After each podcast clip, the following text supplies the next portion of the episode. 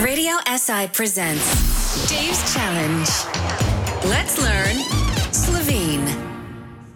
Our cute couple Dave and Fani are engaged, as we know. It's been some time now, and Fani has decided to take action. Dave, dear, uh, tomorrow I'm meeting with Špela and we're going to see some wedding dresses. Veš, Špelo bova šli jutri pogledat poročne obleke, prav? Oh, great. Can I come?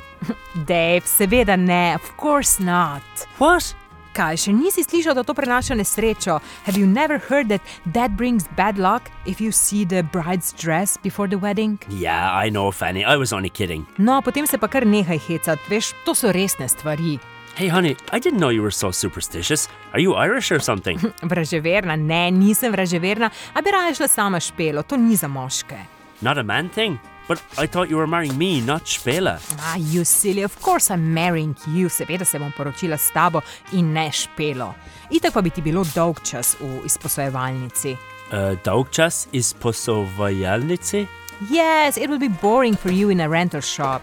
Yeah, you know, you're probably right, actually. Seveda imam prav. like always, you're always right, right, Fanny? Točno, bingo! Hey, maybe I'll go get my suit with Matisse. Hmm, like tomorrow. Niti podrazno. What? Razno? No way, you can't go with Matic. I need to see what you're trying. I don't want you to come to the wedding in jeans, v kavbojkah and a t-shirt, v majici. Ah, you really think I'm in Egypt, don't you? Sorry, Dave, but I never can be really sure what you're up to. Oh, and by the way, Yes? I already have a wedding suit. Kaj? Od kdaj? In kje? Daj pokaži, show me. A few minutes later, Woohoo, Dave! Uh-huh, you uh-huh. look so good! Oh, yeah. nice! I wanna marry you right now! Takoj zdaj bi se poročila s tabo! Woo! Hands off, Fanny, hands off. Sorry, we can't do that. You're not wearing the proper dress. Oh, come on, daj no! well, sometimes Dave can surprise Fani, and he sure did that this time. He already bought his wedding suit, Poročno Obleko, and that is not going to bring any bad luck, Nesericha. Although Fani is quite superstitious, Vrajaverna.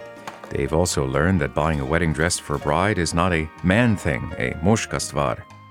Dave's Challenge. Your daily dose of Slovene language. Want more? Tune in again tomorrow or catch all episodes on our podcast.